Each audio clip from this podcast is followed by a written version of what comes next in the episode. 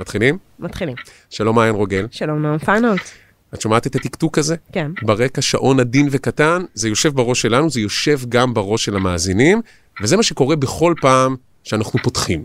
פותחים סיפור, פותחים הרצאה, פותחים פודקאסט, פותחים סרט, פותחים ספר, פותחים סדרת טלוויזיה, זמן חסד או קסם כזה, שבו אנחנו צריכים לשכנע את הקהל ששווה להיות איתנו, שמותח, שמעניין, שמסקרן, שרלוונטי אליהם. ואם אני מסתכל רגע על השעון, נשארו לנו עוד בערך 50 שניות לשכנע אותם שהפודקאסט הזה, עושים מזה סיפור רלוונטי אליהם. אז מה, מה נבטיח להם? אנחנו יכולים uh, גם להגיד להם שעד uh, סוף השידור הזה, מישהו מאיתנו ימות. זה כבר ישאיר אותם מחוברים. שזה טריק זול, יש לומר. ומטונף. אבל אפקטיבי, מישהו מאיתנו ימות עד סוף השידור הזה, אנחנו מבטיחים.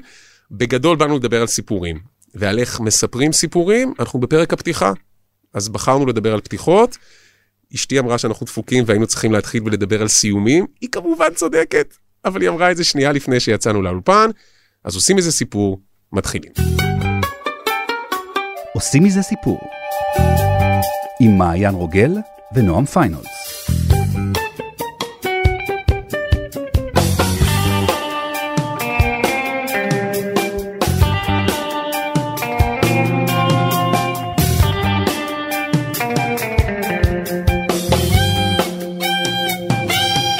אז אנחנו על עושים מזה סיפור, פודקאסט שמנסה לפרק איך עובדים סיפורים. נדמה לי ששווה להסביר רגע למאזינים שלנו למה אנחנו האנשים שעושים את זה. ספרי טיפונת על עצמך. Uh, אני יצור של סיפורים. אני הצלחתי לעטוף את חיי בסיפורים. Uh, אני קוראת, אני צופה, אני כותבת, אני מלמדת uh, כותבים, ואני מפצחת סיפורים, שזה בגדול לסדר להם את הגלגלי שיניים. אין טייטל מגניב יותר ממפצחת סיפורים. מה זה אומר? את יושבת עם סופרים ותסריטאים, נכון? כן, אני עובדת עם סופרים, עם תסריטאים, עם uh, יוצרי גיימינג, ובעצם עוזרת להם לבנות את המבנה.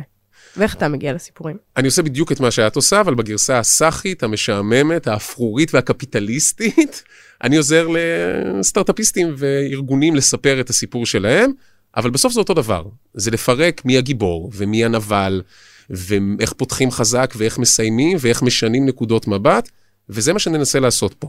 בגדול, אנחנו הולכים. להציץ מתחת למכסה המנוע של הסיפורים. ולבדוק ככה את גלגלי השיניים הקטנים. אז היום פתיחות. מבחינתך, כמי שמפצחת סיפורים, כמי שכותבת, מה צריך לקרות בפתיחה? מה התפקיד שלה? אני רואה פתיחה כסוג של uh, מעבר. אוקיי? יש כאן טכניקת מעבר. אני חושבת שבפרקים הבאים שיהיו לנו, אנחנו נדבר עוד על טכניקות מעבר, אבל יש כאן איזשהו מעבר נורא חשוב של הקהל, מהעולם הרגיל, מהעולם היומיומי, מהשגרה שלנו, אל תוך הסיפורים. Uh, כדי לעבור מעולם uh, רגיל לתוך עולם אחר, צריך לעבור, צריך להיפרד מהעולם שאנחנו נמצאים בו, ולאט לאט, או מהר מהר, אה, לצלול ולהתמסר לעולם שהחוקים שלו אחרים לחלוטין. והתפקיד של הפתיחה זה לעשות את זה, זה להעביר אותנו אל תוך הסיפור. ואיך היא עושה את זה? אם את צריכה לחשוב ככה על דוגמאות שאת מתה עליהן.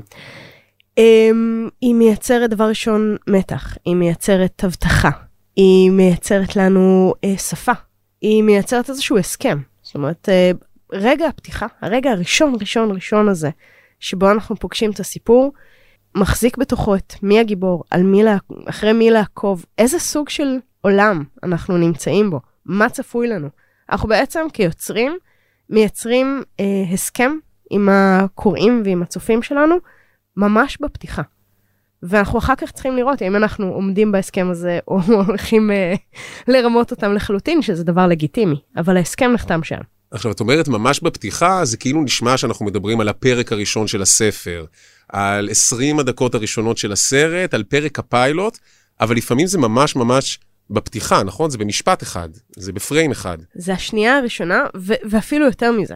זה רגע לפני שאתה הבנת שזה מתחיל, זה התחיל. Uh, אחת הדוגמאות המגניבות ש- שראיתי לאחרונה, הייתי בבימה uh, בהצגה של uh, מיזרי. עיבוד לבמה של מיזרי מאת סטיבן קינג. והסצנה הראשונה, הסצנה הפותחת של מיזרי, זה שמיזרי אה, עוזרת לסופר פול שלדון, אה, שהרכב שלו מתרסק בשלג ומחלצת אותו משם. ואז לוקחת אותו וזה כבר לא כזה נחמד, בסופו של דבר. יש שם רגליים שבורות וכאלה. כן, סצנה נהדרת. אה, והרגע הזה שהיא מחלצת אותו, התרחש על הבמה בזמן שהקהל נכנס. אוקיי. אוקיי? זאת אומרת, אנשים נכנסים, מחפשים את המקום שלהם, אתה יודע, מוצאים את העטיפות המרשרשות של הסוכריות, שותים מים, באים, הולכים, מסתדרים, ופתאום אנשים לאט לאט מתחילים לקלוט שזה כבר התחיל. אף אחד לא אמר להם, לא כיבו את האורות, לא הכינו אותם לזה, זה כבר התחיל. אנחנו כבר בפנים. וזה הרגע מכונן, כי בדרך כלל אנחנו רגילים שיש תהליך. קודם מכבים את האורות, אחר כך יש, תלוי איפה אתה נמצא, אוקיי? אם זה הקולנוע, אז יש את האות פתיחה הזה שתמיד מרגש אותנו. בתיאטרון יש את ההודעה שאומרת, נא לכבות מכשירים סלולריים, זה זה. בדיוק, זאת אומרת, יש לנו איזושהי הכנה, איזשהו סימן של אתם נפרדים מהעולם הרגיל, והנה עכשיו אנחנו מתחילים. ושם הם רימו, והתרמית הזאת הייתה מהממת. כי אתה כבר בפנים, אתה בפנים, עוד לפני שהספקת אתה בפנים, כמוהו. זאת אומרת, היה שם חיבור מאוד עמוק לסיפור עצמו. איזה כיף. אז זה בתיאטרון, שזה באמת נדיר. אני אגיד שבקולנוע עושים את זה טיפה יותר בשנים האחרונות. כאילו פעם, כשסרטים התחילו, אז היה את האות של האולפן, בין אם זה האריה או הזרקורים האלה, או כדור הארץ שמסתובב, תלוי באיזה חברה, ואז היה חמש דקות של כותרות. כי לאנשים אשכרה הייתה סבלנות לשיט הזה לחכות, לראות מי נערת המים ומי נערת התסריט ומי הבום, וכאילו אנשים חיכו לדבר הזה, ואז הסרט התחיל. ואז היה איזושהי מהפכה, התחלנו בסצנה חזקה, אבל היום יש המון סרטים שמתחילים כבר באות הזה של האולפן. אני זוכר שפעם ראשונה שאני ראיתי את זה, יוניברסל, כדור הארץ המסתובב, הלכתי לראות את עולם המים. זוכרת את הפלופ הזה עם קווין קוסטנר? קווין קוסטנר עם זימים, כאילו מה, מה עוד צריך להגיד? אבל הסרט התחיל בזה שרואים את הלוגו של יוניברסל, שזה כדור הארץ מסתובב, ואז פתאום היבשות נעלמות. הוא מתחיל להיות רק אוקיינוס אחד גדול, ויש זום אין לתוך הלוגו, ומתוכו זה הופך להיות באמת האוקיינוס, ואנחנו רואים שם את קווין קוסטנר לבד על סירה. כאילו הסרט התחיל עוד לפני שהוא התחיל, כמו שאת אומרת. ותראה שלא נאמרה אף מילה, לא ראית אף אחד, אף אחד לא אמר כלום, אפילו לא היה מוזיקת פתיחה, כלום. אבל אתה כבר בפנים, אתה כבר קיבלת מידע וקיבלת איזשהו מטען רגשי, אתה כבר בפנים, אתה לגמרי. במתח. והדוגמה הכי טובה שאני מכיר לזה, כי יש לי איזה פטיש פתאום, מאז שראיתי את זה, יש לי פטיש לקטעי פתיחה. אז באמת לחיות ארבע, שזה על האקרים, רואים את האורות של פוקס נחבים פתאום. ובקטפיש הכל נראה כמו חיפושים בגוגל. אבל הסרט הצלצול, את זוכרת את הצלצול? או, איך אפשר לשכוח? הוא מהז'אנר uh, של העיבודים האסייתיים, שבגדול כאילו התמה שלהם זה אישה חושבת שמשהו אפל רודף אחריה ורוצה להרוג אותה, והיא צודקת ומתה. כן, וזה בדרך כלל גם קשור לטכנולוגיה אצל היפנים, כי הם משוגעים. אבל הצלצול, זה הסיפור הזה, נזכיר רגע למאזינים שלנו, יש איזה קלטת וידאו, שזה כבר אגב, הסרט הוא מ-2001. 2001 כבר היה DVD, אבל יש קלטת וידאו שאתה צופה בה, ויש בה כל מיני סרטים מוזרים כאלה, מעין חלום מסויט, וברגע שנעצרת הקלטת, יש צלצול טלפון. בשום החול ב-2001 יש סלולרי, אבל הטלפון הקווי יצלצל, ואז אומרים לך שנשארו לך שבעה ימים.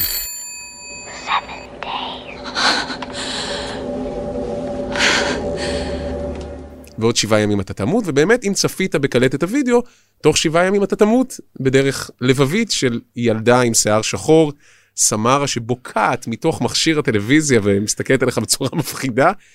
זה בסוף, על זה הסרט. אבל הסרט מתחיל עוד הרבה לפני שהוא מתחיל. כמו שבמיזרי, את אומרת, זה קרה על הבמה, כאן יש את הכותרות של האולפן, DreamWorks, ופתאום יש הפרעה כזו. יש ריצוד כמו של קלטת וידאו לא טובה, או כמו של קליטה לא טובה. עכשיו, זה לא משהו שאתה רואה בקולנוע. הלכת לקולנוע לראות סרט, לא אמורה להיות הפרעה של בעיית קליטה, כי אתה בקולנוע, ולא אמורה להיות הפרעה של קלטת וידאו לא טובה, כי אתה בקולנוע. אבל פתאום יש איזו הפרעה קטנה כזו, זה בדיוק שנייה אחת. ואם אתה שם לב לזה, אתה מבין שזה בעצם כל הסרט. הרגע הזה שבו אתה אומר, יש מש, הפרעה, משהו שמנסה לחדור, משהו מהתת מודע זה עוד עמוק יותר, כי גם DreamWorks זה עבודת החלום, אפשר להתפלצן על זה המון. אבל יש שם איזה רגע של הפרעה של משהו לא ברור, ואתה כבר מרגיש לא נוח, ואז כשהסרט באמת מתחיל, רואים בית, ושומעים רחש כזה של שידור טלוויזיה, ואז אנחנו נכנסים לתוך הבית ורואים שתי נערות צעירות צופות בטלוויזיה. עכשיו, אנחנו לא רואים אותן צופות בטלוויזיה, אנחנו רואים אותן מתוך הטלוויזיה. הן מסתכלות עלינו, אבל אנחנו הטלוויזיה, ויש אור ירוק על הפנים שלהם, אז כבר אני צריך לחשוד שיש איזה כוח חי בתוך הטלוויזיה שמסתכל עלינו. ואז המשפט הראשון שהיא אומרת, I hate television. Gives me headaches. Makes your אני שונא טלוויזיה. וזה מפתח בעיניי. אם אתה מבין שהיא שונאת טלוויזיה, על כל סרט הוא על טלוויזיה. אז אני אגיד רגע שמה שעשינו פה, זה בערך מה שננסה לעשות כאן בפודקאסט הזה. לחטט ולהבין איך מפעילים אותנו ואיך רומזים לנו, לא בטוח שבצפייה הראשונה רואים את זה, את ההבהוב הקטן הזה, אבל בצפייה חמישית רואים. נתת לזה שם אה, נורא מגניב כשדיברנו על זה קצת לפני שבאנו לפה להקליט. כן, קראתי לזה צפייה פורנזית, שזה כאילו להסתכל על סרט כמו על זירת רצח, ואתה בא ואוסף את הראיות, לא המצאה שלי חלילה, בעולם האקדמיה מדברים על זה הרבה, אבל זה הרגע הזה שבו אנחנו עושים פאוז. אני רוצה להגיד שגם בספרים, אנחנו דיברנו כאן על אה, תיאטרון ועל טלוויזיה ועל קולנוע, אבל גם בספרים יש טכניקת מעבר. גם בספרים אנחנו מקבלים המון מידע, שהוא מידע תכלס ומידע שהוא מידע רגשי, לפני שאנחנו מגיעים למשפט הראשון. כי יש לך תהליך, יש לך כניסה. לא סתם קוראים לדפים אה, הראשונים בספר השערים, יש את השער הקטן והשער הגדול. מה זה השער הקטן והשער הגדול? סליחה, לי יש אחד, לא? לא, תמיד יש שניים. אתה פותח את הספר שלך כריכה, ואז יש את השער הקטן, שיש שם את השם של הספר בקטן, ואז יש עמוד זכויות, ואז יש עוד שער, השער הגדול. ואז הספר מתחיל. הרבה פעמים לפני המילים הראשונות יש לך הקדשות, ויש לך מוטואים, ויש לך ציטוטים, ויש לך שמות של פרקים או שמות של חלקים. זאת אומרת, עד שהגעת למשפט הראשון, כבר דפדפת, כבר נכנסת פנימה. ושם יש המון סודות שנמצאים. שם יש לנו המון המון כוח כיוצרים, כבר להכניס את הקהל שלנו, את הקוראים שלנו, במצב שרצינו לתוך הסיפור. אה, זה חלק מהסוד, אז אני, אני נורא אוהבת להסתיר דברים, אני מחביאה דברים, אני מחביאה דברים בעמודי זכויות. ואני... מה זאת אומרת מחביאה דברים בעמודי זכויות? זה נשמע פלילי פשוט? זה קצת נשמע פלילי. יש את החלק הזה שתמיד כותבים, שכל קשר בין הסיפור לבין המציאות מקרי לחלוטין. אז באחד הספרים שלי שם שיניתי את הטקסט הזה, כי, כי הסיפור בכלל מתחיל שם, הרבה קודם. לפני המילים הראשונות. יש כאן באמת איזשהו מקום למשחק, אה, ואני חושבת שבכלל כל מה שאנחנו עושים, וזה לא משנה אם זה טלוויזיה, אם זה קולנוע, אם זה ספרות, אם זה תיאטרון, אם זה הרצאה, יש כאן איזשהו גיימפליי. אנחנו מייצרים כאן איזושהי מערכת יחסים מאוד מאוד מתוחכמת ומאוד מניפולטיבית מבחירה מול הקהל שלנו כדי לייצר להם את החוויה שלהם. זה הסיפור. סיפור הוא מניפולציה על, על קהל. ברור.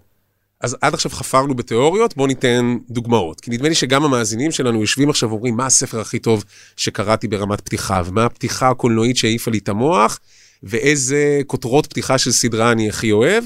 אז לא נעשה פה צ'קליסט, לא נעשה רשימה, אבל בואו נתחיל לגעת בדברים שהם מעולים. מה שלך? תן אחד. אוקיי, מה, קולנוע, טלוויזיה? קולנוע. קולנוע. אוקיי, אז עכשיו הפתיחה הקולנועית שאני הכי אוהב היא של מגנוליה.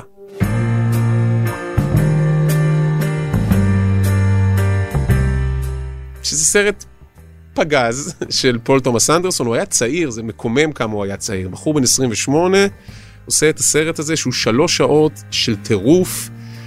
פיליפ סימור הופמן וטום קרוז וג'וניאן מור, המון המון שחקנים טובים. אני מנסה להסביר על מה הסרט למי שלא צפה, אני לא יודע איך מסבירים את זה. זה על המון יחסים בין אנשים, הכל מסתובב שם דרך איזה מישהו שהוא היה מנחה או מפיק של אה, שעשועוני טלוויזיה, אבל הבחירות הקטנות שלו נוגעות בהמון חיים של אנשים אחרים, של מתמודדים שהיו שם ונהרסו להם החיים, של הילדים שלו שהוא זנח, של אשתו השיכורה, כאילו, הכל נורא מסובך. אבל הפתיחה של הסרט היא בכלל לא על זה. הפתיחה של הסרט היא אחרת לגמרי, יש שם שלושה סיפורים קצרצרים, רק על זה הוא היה צריך לזכות באוסקר בעיניי, על האוסקר לסרט הקצר הטוב. שלושה סיפורים קצרים, קצרים, קצרים, שמספרים על צירופי מקרים. אוקיי? אני אספר על אחד מהם רק כדי שנבין כמה זה משוגע. יש שם איזה משהו עם הוצאה להורג, ויש שם איזה משהו עם מישהו שמהמר בקזינו ומת, אבל הכי מעניין, זה סיפור על בחור צעיר, שנמאס לו מזה שההורים שלו רבים, והוא מחליט להתאבד. אז הוא עולה לקומה התשיעית של הבניין שלו, אני לא הורס שום דבר, זה בדקה הראשונה של הסרט, בסדר? הוא עולה לקומה האחרונה של הבניין, קומה תשיעית, והוא קופץ למטה. אבל בזמן שהוא חולף ליד הבניין, בזמן שהוא חולף ליד החלון בקומה השישית, ירייה נורית מהחלון, מנפצת את החלון ופוגעת לו בבטן בזמן שהוא באוויר, והוא בעצם נהרג תוך כדי הקפיצה, אוקיי? עכשיו, מסתבר שמי שירה את הירייה הזו, זו אימא שלו, שמכוונת שוטגן כזה לאבא שלו. אבל אימא שלו לא ידעה שהנשק בכלל טעון. כי האמא והאבא כל הזמן רבים, וכל הזמן מאיימים אחד על השני עם הרובה הזה, אבל הם לא טוענים את הנשק. אז היא סתם כיוונה את הנשק, צעקה על בעלה, פתאום נפלט כדור, הבן שלה שעף מהחלון חוטף את הכדור בבטן, ואז אתה שואל, רגע, מי לעזאזל טען את הנשק? כי גם הבעל לא טען את הנשק. ומי שטען את הנשק זה הבן בעצמו שהתאבד, כי נמאס לו מזה שההורים שלו רבים, אז הוא רוצה שהם יהרגו אחד את השני. אז הוא שותף ברצח של עצמו, שהיה אמור להיות התאבדות, אבל ההתאבדות הייתה אמורה לא להצליח. וכל זה בעצם לא יושב ולא זה קשור לא לכל קשור העלילה. לדמויות, זה לא קשור לכלום. אבל זה כן אומר לך, אחד, אפרופו הכנה לעולם, צפה לסחרור, כי כל הסרט הזה הוא סחרחורת אחת גדולה, ואתה קופץ בין דברים, ופתאום אתה מבין שמה שהבנת הוא לא זה. ושתיים, הוא אומר לך, בסוף זה על צירופי מקרים, בסוף זה על איך חיים של אנשים נקשרים אחד בשני. אבל הדבר שאני הכי אוהב בפתיחה של מגנוליה, זה בכלל לא זה, אלא מה שקראנו לו קודם, הצפייה הפורנזית הזאת. יש שם כל הזמן במהלך הפתיחה הזו חוזר אותו מספר. 82. פעם זה על הכתובת של מי שתולים אותו, זה המספר שרשום לו, ופעם זה בטמפרטורות, ופעם זה חדר במלון, ופעם זה חבל ששמוט שם על הרצפה, אבל הוא מסודר בצורה כזו של 82. ואתה אומר 82, 82, 82, 82, 82, מה זה לעזאזל הדבר הזה? ואז אתה לא מבין. ואז כמה דקות אחרי זה, מישהו הולך ברחוב, זה כבר כן בסרט, עם שלט שכתוב עליו אקסודוס 82. שמות, פרק ב', פסוק ח'. שמה יש שם? אני מפנה את מאזיננו לפתוח עכשיו את ספר התנ"ך הקרוב לביתם. שמות, פרק ב', פסוק ח', מכת הצפרדעים. זה. הרגע הזה שבו ותעל הצפרדע וזה. וזה כן ספוילר. זה כן ספוילר לגבי מה שקורה בסוף הסרט עם צפרדעים. חלפו מאז 20 שנה, אפשר לעשות נאמר ספוילר. למאזיננו, נדפקתם? כאילו, תקפצו חמש דקות קדימה אם לא ראיתם את מגנוליה. זה ספוילר, אבל זה לא הורס בכלל את הסרט. בסוף הסרט, אפרופו צירופי מקרים, אפרופו זה שיש כל כך הרבה דמויות שכאילו לא מתחברות, פתאום, באיזו תופעה מטאורולוגית לא ברורה, צפרדעים, מלן, מלן, מלן צפרדעים מתחילות ליפול מהשמיים. נשמע כמו משהו שקרה ב-2020. זה נשמע משהו שקרה ב-2020 לגמרי. זה אולי הדבר היחיד שטרם קרה, זה מכת צפרדעים אמיתית. שמסתבר שזה כנראה אפשרי, לא חשוב, לא נסביר איך, אבל המון המון צפרדעים, הן פשוט נוחתות בכל הסצנות השונות של הסרט, פתאום צפרדע נוחתת לבניין ונופלת על המכונית, וזה גועל נפש, וזו סצנה מהממת, אבל בעצם אתה מבין שהיא הייתה שם מההתחלה. אמרו לך, 8-2, שמות, 8-2, רק חכה וזה יבוא.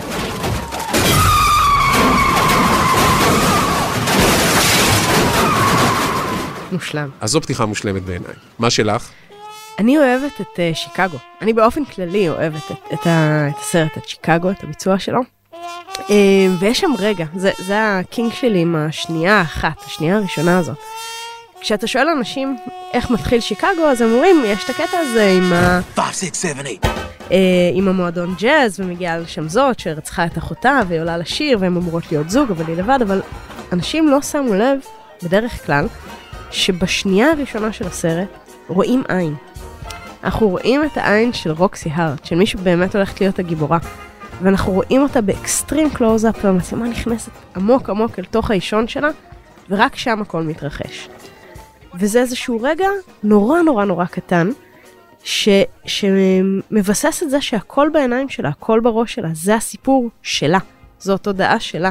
ולכן יש שם שירים וריקודים, ולכן הסרט הזה מתנהג ככה כמו מיוזיקל, זאת אומרת, יש שם איזשהו חיבור מאוד מאוד עמוק ל- לרציונל הסיפורי בכלל.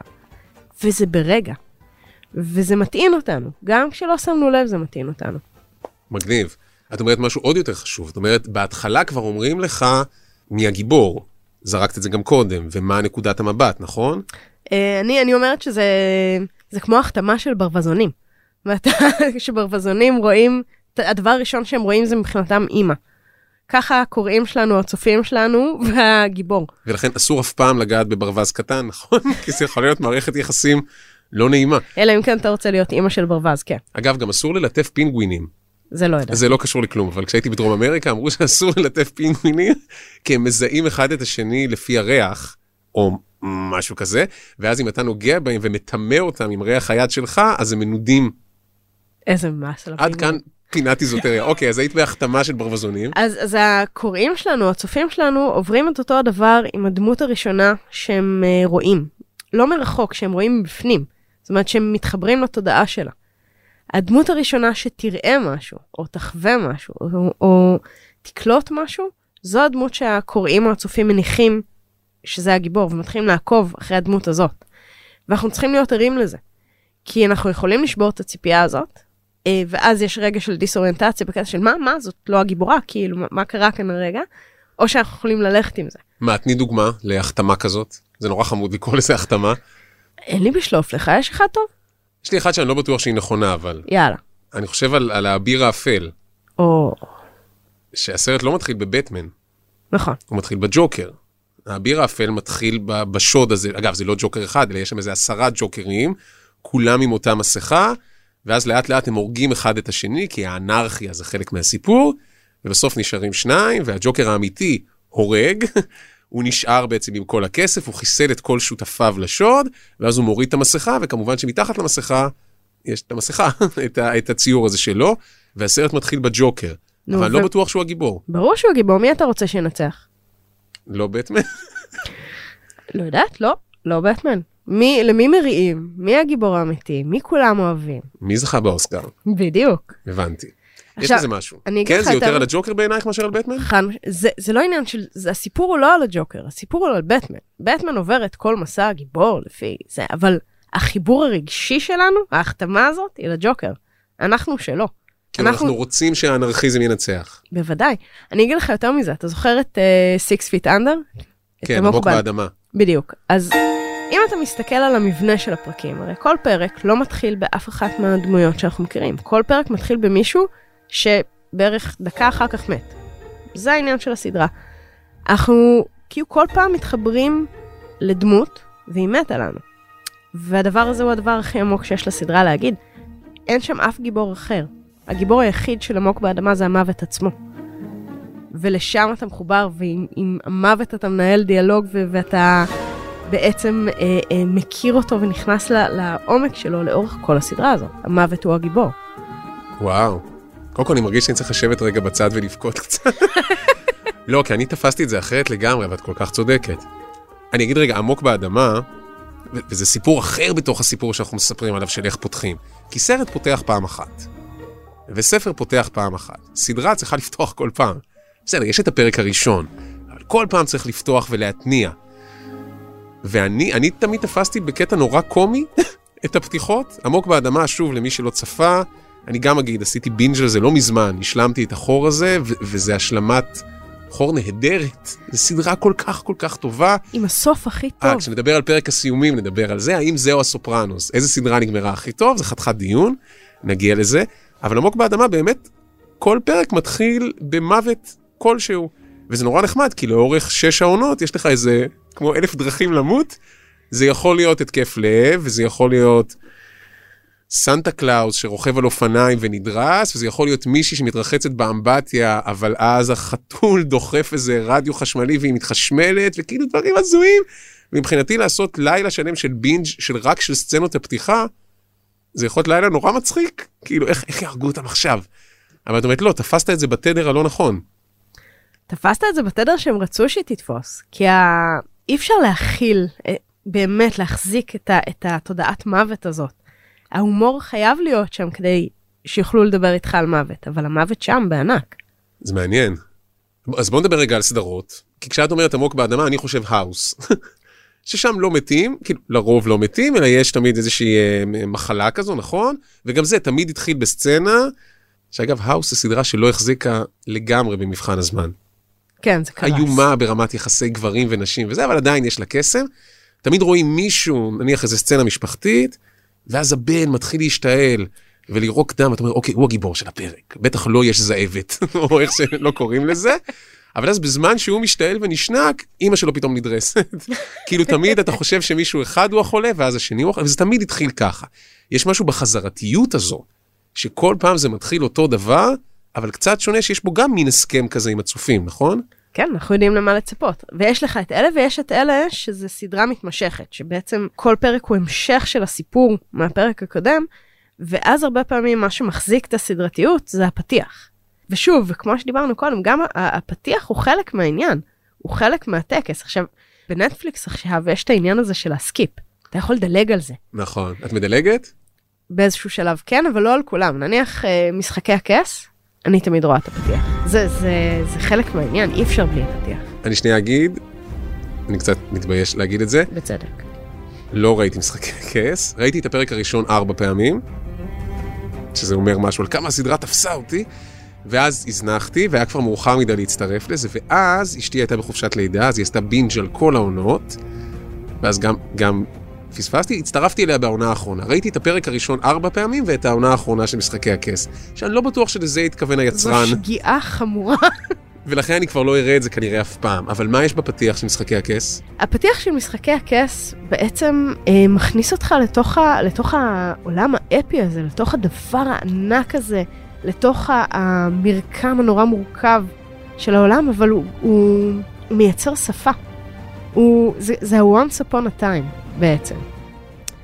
זה מכניס אותך לכמה הכל גדול, לכמה הכל אה, דרמטי. אתה, אתה נכנס מתוכנת כבר. זאת אומרת, לא משנה עכשיו מה תראה, אתה יודע שזה גדול מהחיים. אתה יודע שכל הדבר הזה ענק. וזה נכון שזה השתנה מעונה לעונה?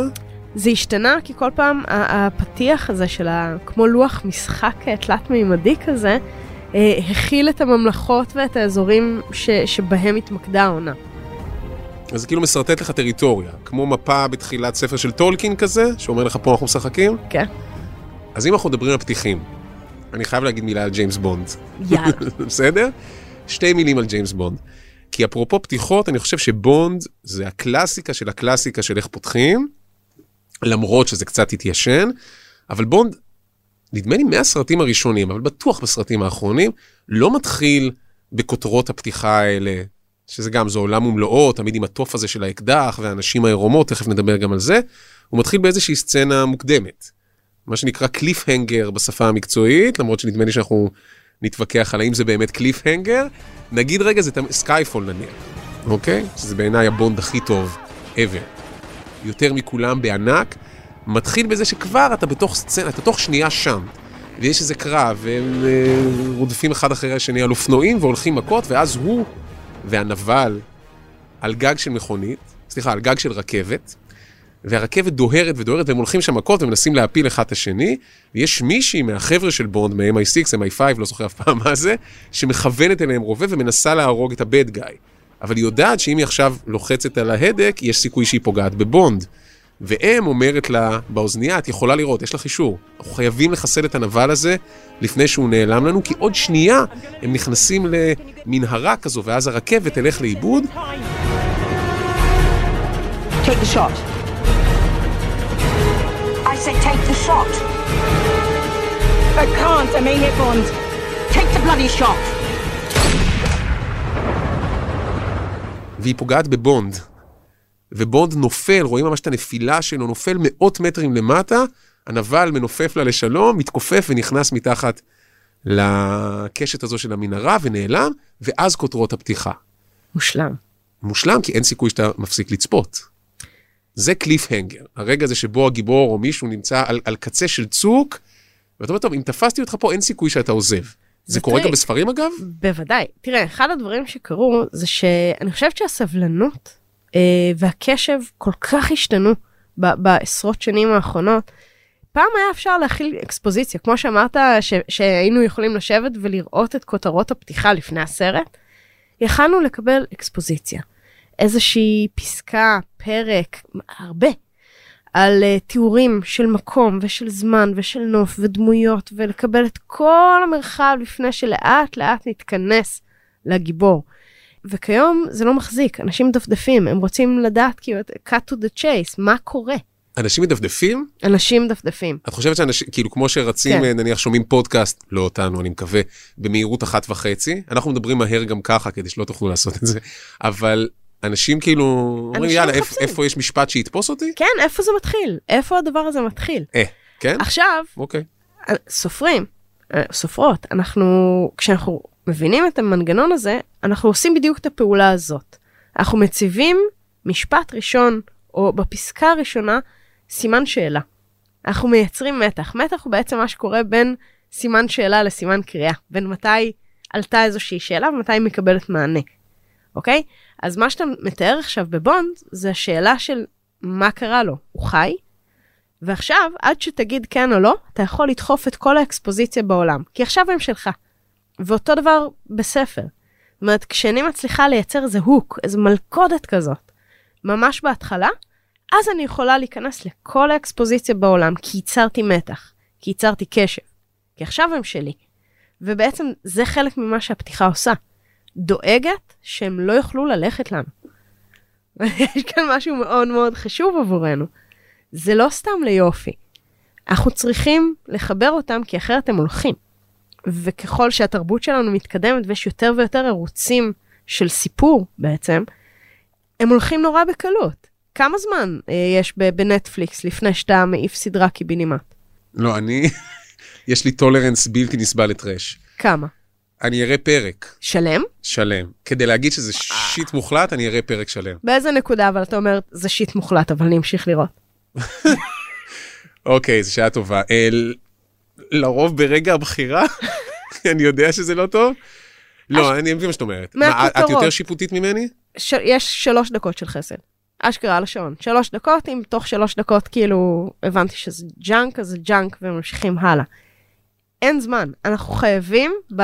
בדיוק כמו שאמרת ב... בהתחלה שלנו היום, יש לכם זמן נורא נורא קצר to hook them, לתפוס אותם ולא לתת להם ללכת. זה הדבר הכי חשוב שפתיחה צריכה לעשות. בתוך הפודקאסט הזה, חוץ מלדבר על קולנוע וסדרות וספרים, תרבות, שזה הכי כיף, אנחנו אמרנו שננסה לראות איך הסיפורים האלה, איך המנגנונים האלה עובדים גם בעולמות אחרים. ומה שאת מתארת עכשיו עובד גם בנאומים על במה, או בפרזנטציה עסקית, או בשיחת מכירות. אני מנסה לחשוב על משפט הפתיחה הכי טוב שאני מכיר, ויש המון, את יודעת, בטד יש הרצאות מדהימות וזה, זה ביל גייטס. ביל גייטס מקבל תואר דוקטור של כבוד מהרווארד, ואז הוא עולה לבמה, והוא אומר את המשפט הבא. I've been waiting more than 30 years to say this. חיכיתי 30 שנה לומר את הדבר הזה. זה המשפט הראשון שלו, אוקיי? עכשיו אז הוא משלים, אבא, הבטחתי לך שיום אחד אני אחזור ואקבל את התואר שלי. ביל גייטס כנראה, כמו כל הטובים, זרק איפשהו את האקדמיה והלך לעבוד. אבל חיכיתי 30 שנה כדי לומר את המשפט הזה, זאת אומרת, אם זרעת את זה, אני מוכן לחכות עכשיו חמש דקות כדי לשמוע לאן זה ממשיך. I'm game, כן? כן, זה הוק נורא נורא טוב. או דניאל פינק, מומחה למוטיבציה, עומד על הבמה בטד, והמילים הראשונות שלו זה, יש לי וידוי. עכשיו, הווידוי שלו בסוף הוא נורא קטן, הוא כאילו עושה מזה דרמה גדולה, בסוף הוא מתוודה שיש לו תואר במשפטים והוא מתבייש בזה, זה כאילו הכי קטן. אבל יש לי וידוי, אתה אומר, אוקיי, אז דבר בבקשה. כאילו, אני פה, טוב. שפתחת. יש משהו באמת במשפט פתיחה שיכול לתפוס אותך ברגע אם הוא בנוי נכון. ובהרצאות ובפרזנטציות, הלפני הפתיחה, מה שדיברנו בספרות בקולנוע גם נמצא? זאת אומרת, איך אנשים מגיעים לבמה, מה הם עושים רגע לפני שהם מדברים? אה, לגמרי, בשני מובנים. אחד, שקף הפתיחה הוא משמעותי, בסדר? זאת אומרת, מה נמצא שם כבר בשפה שלו, ובלהבין באיזה עולם, וכמה זה הייטקי או לא. שקף הפתיחה שהוא שם בזמן שאתה עולה, אבל עוד יותר חשוב מזה, האופן שבו אתה עולה לבמה הוא משמעותי, אוקיי? תחשבי על אובמה, אוקיי. בסדר? שזו הדוגמה הכי טובה על איך עולים על במה. אני רגע אתאר לך לא אובמה. אני זוכר כל מיני כנסים אקדמיים כאלה, שאחד אחרי השני עולים כל מיני חוקרים ומציגים, וחוקרים באקדמיה, חלקם מרצים נפלאים, חלקם פחות. ואני זוכר איזה כנס שעולה מישהו לבמה, אמור לדבר על המחקר שלו, והוא כאילו, הוא לא מבין שמרגע שאמרו, יעלה בבקשה דוקטור, הוא לא מבין שאנשים צופים בו, כי אין שום דבר מעניין יותר להסתכל. אז הוא עולה, הוא עם הדפים שלו, הוא כאילו ממלמל לעצמו, תוך כדי העלייה לבמה, ואז עכשיו כבר על הבמה הוא עדיין לא מבין שאנשים מסתכלים רק עליו, כי על מה יש להסתכל? הוא מסדר את הדפים, הוא אומר, אוקיי, זה קטע, זה... אוקיי. שלום לכולם. עכשיו, איפה היית בשלוש הדקות עד שלום לכולם? זה נניח מישהו שלא מבין שיש את כל ההקדמה. אובמה, כדוגמה, זכר נשיא לברכה, בסדר? אובמה כדוגמה טובה. בשנייה שהוא היה רק מתחיל ללכת מהמושב שלו עד לבמה, הכל היה מלא אנרגיה, ויציב, וביטחון, והידיים זזו בקצב, כאילו הוא שידר, התחלנו. אני שם. אז כן, כל הדברים האלה מאוד רלוונטיים, כולל כשעושים נניח פיץ' מול משקיעים כזה, נאום מעלית, אותה פנטזיה, שיום אחד תרד במעלית, ובמקרה, ברמת גן, ביל גייטס יהיה שם. ויש לך 17 קומות לספר לו על הסיפור, אתה לא מתחיל לספר במי אתה ומה אתה. מי אתה לא מעניין. אתה צריך תוך 20 שניות להבהיר למה הבעיה שבאת לפתור היא בעייתית, ולמה הפתרון שלך הוא יצירתי וחדש. אם את זה הצלחת לעשות, אנשים יהיו איתך אחר כך. וזה רלוונטי לא רק לאנשים שמרצים על במות גדולות, ולא רק לסטארט-אפיסטים, זה רלוונטי גם למורים ומורות שמאזינים לנו עכשיו. כשאתה נכנס לכיתה, מה הדרך הכי גרועה לפתוח שיעור? מה? הקראת שמות? יונתן כאן? מישהו יודע איפה רננה? דני עדיין חולה. אה! זה. לקחת, אנרגיה של ילדים שאף פעם לא יודו בזה, אוקיי? יש להם תשוקה, אולי היום יצא לה משהו מעניין, כאילו יש תקווה סמויה, ואז זה לזרוק על זה משאית. אתה לוקח עיני, אתה מתחיל עם הקראת השמות. עכשיו, הקראת השמות הזו, זה כמו הכותרות שהיו פעם בסרטים, מי הבמה, מי התסריטאי, זה אותו טרנוף. אני אומר, לא. אם אתם מורים, אם אתם מורות, תתחילו בקליפהנגר.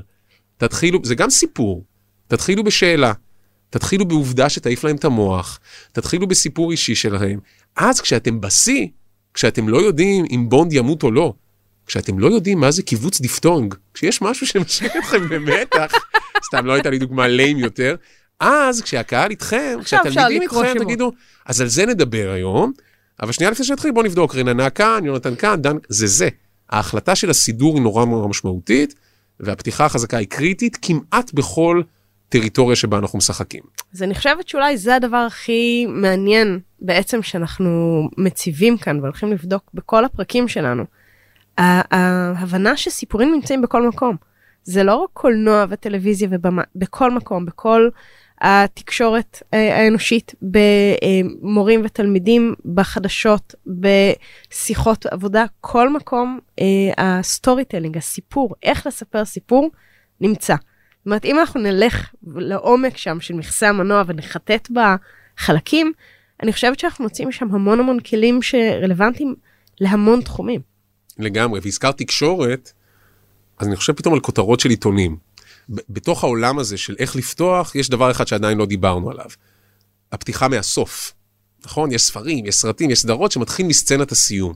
במובן מסוים, הראשונים לעשות את זה, זה עיתונים. על זה, נכון? אנחנו פותחים עיתון, מדפדפים, נכון? רואים בת כותרת. 35 מתה מ... כן. למה, למה הרסת? למה מתה? תן לקרוא. בסוף נגלה מה קרה. נכון, למה ספוילר? הרי כותרת של עיתון זה ספוילר. אז הנה, ככה זה נגמר, יש שלום, סטטיסטית אין שלום, אוקיי? יש ממשלה, יש בחירות, מתה, נרצה, כזה. וזה כאילו באסה, אבל כשמנסים להבין למה זה קורה, מוכנה אני מוכנה. לשיעור תקשורת פלצני של. שתי דקות? היסטורית, במאה ה-19, אוקיי? זה קול של המאה ה-19.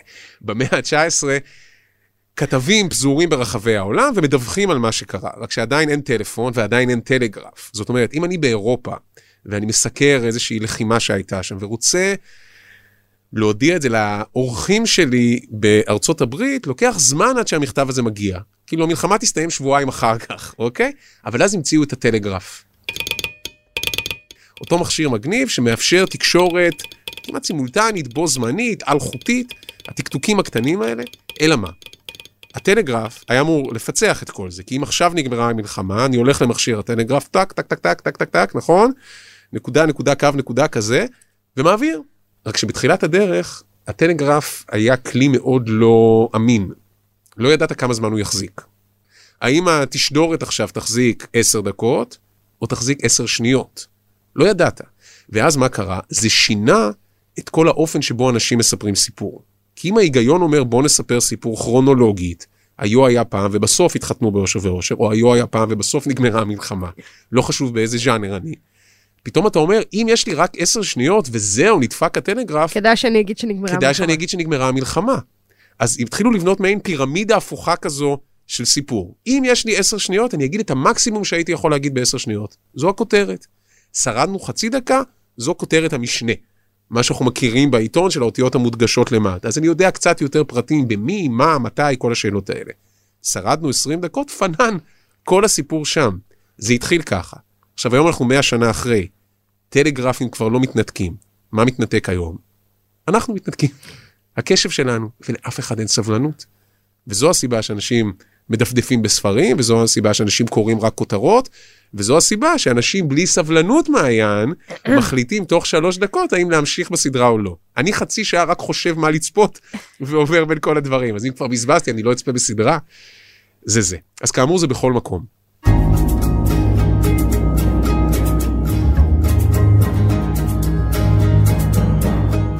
לקראת סיום, בואי נבחר את ה. הפתיחה שאנחנו הכי אוהבים, אני משחרר לך. זה יכול להיות ספר, זה יכול להיות סרט, זה יכול להיות סדרה. אני כבר אגיד, אני תכף אביא מעולם, ה... מעולם הסדרות, או, אבל אני סקרן. דווקא את כסופרת, האישה הרצינית שבינינו, יש איזו פתיחה שאת אומרת, היא כן. ארץ יצורי הפרא של מוריס סנדק. ספר ילדים. ספר ילדים, אה, בעיניי אחת מיצירות המופת. איכשהו זה הדבר המאוד מאוד מאוד קצר הזה, אה, לא מפסיק לשאוב אותי פנימה. זאת אומרת, הרבה מאוד ספרים הרבה יותר ארוכים ובוגרים ומורכבים לא, לא הצליחו לעשות את העבודה הזאת עבורי. והוא מתחיל ככה: בלילה בו לבש מקס את חליפת הזאב שלו, והשתולל, ועשה הצהרות ממין אחד וממין אחר. ואחר כך ממשיך הסיפור, אבל זה זה. יש שם סיפור שלם קודם. חליפת הזאב שלו הייתה שם קודם, והוא עשה צרות, אבל זה לא משנה בדיוק מה. כי יש איזושהי השלמה בציורים, אבל אנחנו נכנסים כבר אחרי שקרו מלא דברים. ועכשיו מתחיל הסיפור, מהאמצע. כאילו במובן מסוים את אומרת, ארץ יצורי הפרא זה בעצם ארץ יצורי הפרא 2, כן, זה, זה לגמרי הפריקוול. אומרת, קרו המון דברים קודם, יש שם מערכת יחסים שלמה קודם. יש שם סיפור שלם על מקס וחליפת הזאב שלו, אבל זה לא משנה. עכשיו בואו נספר את הסיפור. וזה, זה עושה לי את זה. זה נורא יפה. אז אה, מה, מה הפתיחה הכי הכי הכי אהובה שלך? לקראת הפרק הזה, עשיתי דבר כאילו דבילי, אבל מה זה כיפי? צפיתי שוב בכל הפתיחות של הסרטים שאני אוהב. Fight Club שמתחיל מהסוף, ושדרות סאנסט שמתחיל מהסוף, והאזרח קיין שכולו חידה כזו, Rosebud. מה זה רוזבד? עכשיו בינינו סרט משעמם נורא, אבל בסדר, נניח שהוא פורץ דרך. ובסוף מכל השיטוטים האלה, נזכרתי שהפתיחה הכי טובה בעיניי היא של שובר שורות. או, אז אני אזכיר רגע איך זה מתחיל. מי שלא צפה בשובר שורות, צריך לצפות מי ב- אתם? אמר מי שלא צפה במשחקי הכס, כן? קצת צניעות, לא תזיק. אבל בגדול זה סיפור על מורה לכימיה שחולה בסרטן, והוא מבין שהפנסיה שלו לא תספיק להחזיק את המשפחה, אז הוא לוקח את הידע הכימי שלו ומתחיל לייצר סמים, והופך בסוף לברון סמים כזה. אייזנברג, מיסטר ווייט, כי באמת הסמים שהוא יודע לייצר הם כל כך טהורים ו- ו- וטובים, כי יש לו ידע כימי, הוא לא איזה חאפר מה- מהרחוב. זה הסיפור. וזו סדרה נפלאה. היא מתחילה בזה שרואים מישור אה, מדברי כזה, אה, איפה שזה צולם, ופתאום זוג מכנסיים נופל מלמעלה, ריק, אתה אומר, לא מבין מה זה, ויש איזה ואן כזה שנוסע. בקיצור, תוך שנייה, אתה עוד לא מבין מה קורה, יש קרוון שמתרסק בצידי הדרך שם, כשמסתכלים פנימה, רואים שיש שם שתי גופות, עוד מישהו עם מסכת גז שמרוח מאולף על הרצפה, לא יודע אם הוא מת או לא מת, והנהג, הגיבור שלנו, וולטר ווייט, גם עם מסכת גז ורק תחתונים, יוצא החוצה, מנסה להבין מה קרה, שומע סירנות, הוא נורא נורא מבוהל. באמצע שום מקום, איש עם מסכת גז, תחתונים, סירן, אתה כאילו כבר יש לי כל כך הרבה שאלות. אני לא אעצור עד לפני שאני אקבל את התשובות, ואז הוא שולף מצלמת וידאו, ובהצגת הדמות הכי אפקטיבית שיש, פשוט אומר למצלמה, My name is Walter Hartwell White. I am speaking to my family now. שלום, אני וולטר ווייט, אני גר כאן וכאן וכאן, ההודעה הזו היא לא לרשויות החוק, זאת לא הודעה באשמה, שכבר אתה אומר, אוקיי, על מה יש לו להודות באשמה, הנה עוד רסיס של סקרנות, ואז הוא אומר למשפחה שלו, סקיילר, אני אוהב אתכם, בקרוב הוא אומר, יכול להיות שתשמעו כל מיני דברים עליי ותגלו דברים חדשים, תדעו שאני אוהב אתכם. תראי כמה, כמה אי לחיצות. אפשר לעזוב עכשיו. זאת לא הודעה באשמה, בקרוב תגלו אליי דברים, ואפילו אם הוא היה סותם את הפה, איש עם תחתונים ומסכת גז יוצא, כאילו כל הדבר הזה. מושלם. ואז הוא שומע סירנות, הוא נעמד באמצע הכביש, מכוון את האקדח קדימה אלינו, ואז זה חוזר שלושה שבועות אחורה, אוקיי? זו פתיחה נהדרת. נהדרת, נהדרת. מה שהכי נהדר בה, שאם זו הייתה סדרה מעצבנת, אז היינו מגיעים שוב לרגע הזה בסוף העונה הראשונה. ומתי מגיעים אליו? אחרי 40 דקות. מושלם. זה נהדר, אתה כאילו, הכל רץ מהר. ומכאן יש עוד עלילה מטורפת. אז משהו- בעצם אנחנו באים ואומרים, הפתיחה המושלמת מחזיקה כמה דברים בפנים. אחד, היא מייצרת סימן שאלה. שתיים, היא מתחילה עוד לפני שאנחנו מבינים שהיא התחילה. ושלוש, היא מייצרת הסכם, והיא מחזיקה בתוכה את, בעצם את המפתחות להבין את כל מה שיבוא אחר כך. זו הפתיחה המושלמת שלנו. אז האם את חושבת שעמדנו בכל הדברים האלה גם בפרק הפתיחה שלנו? אני ממש רוצה להאמין. אני אז מקווה. על, אז על מה נדבר בעונה הזאת? אז נדבר על גיבורים, ועל נבלים, ועל סיומים, ועל מסע בזמן, ולך יש איזה קטע עם רגשות, נכון? יש לי איזה קטע עם רגשות.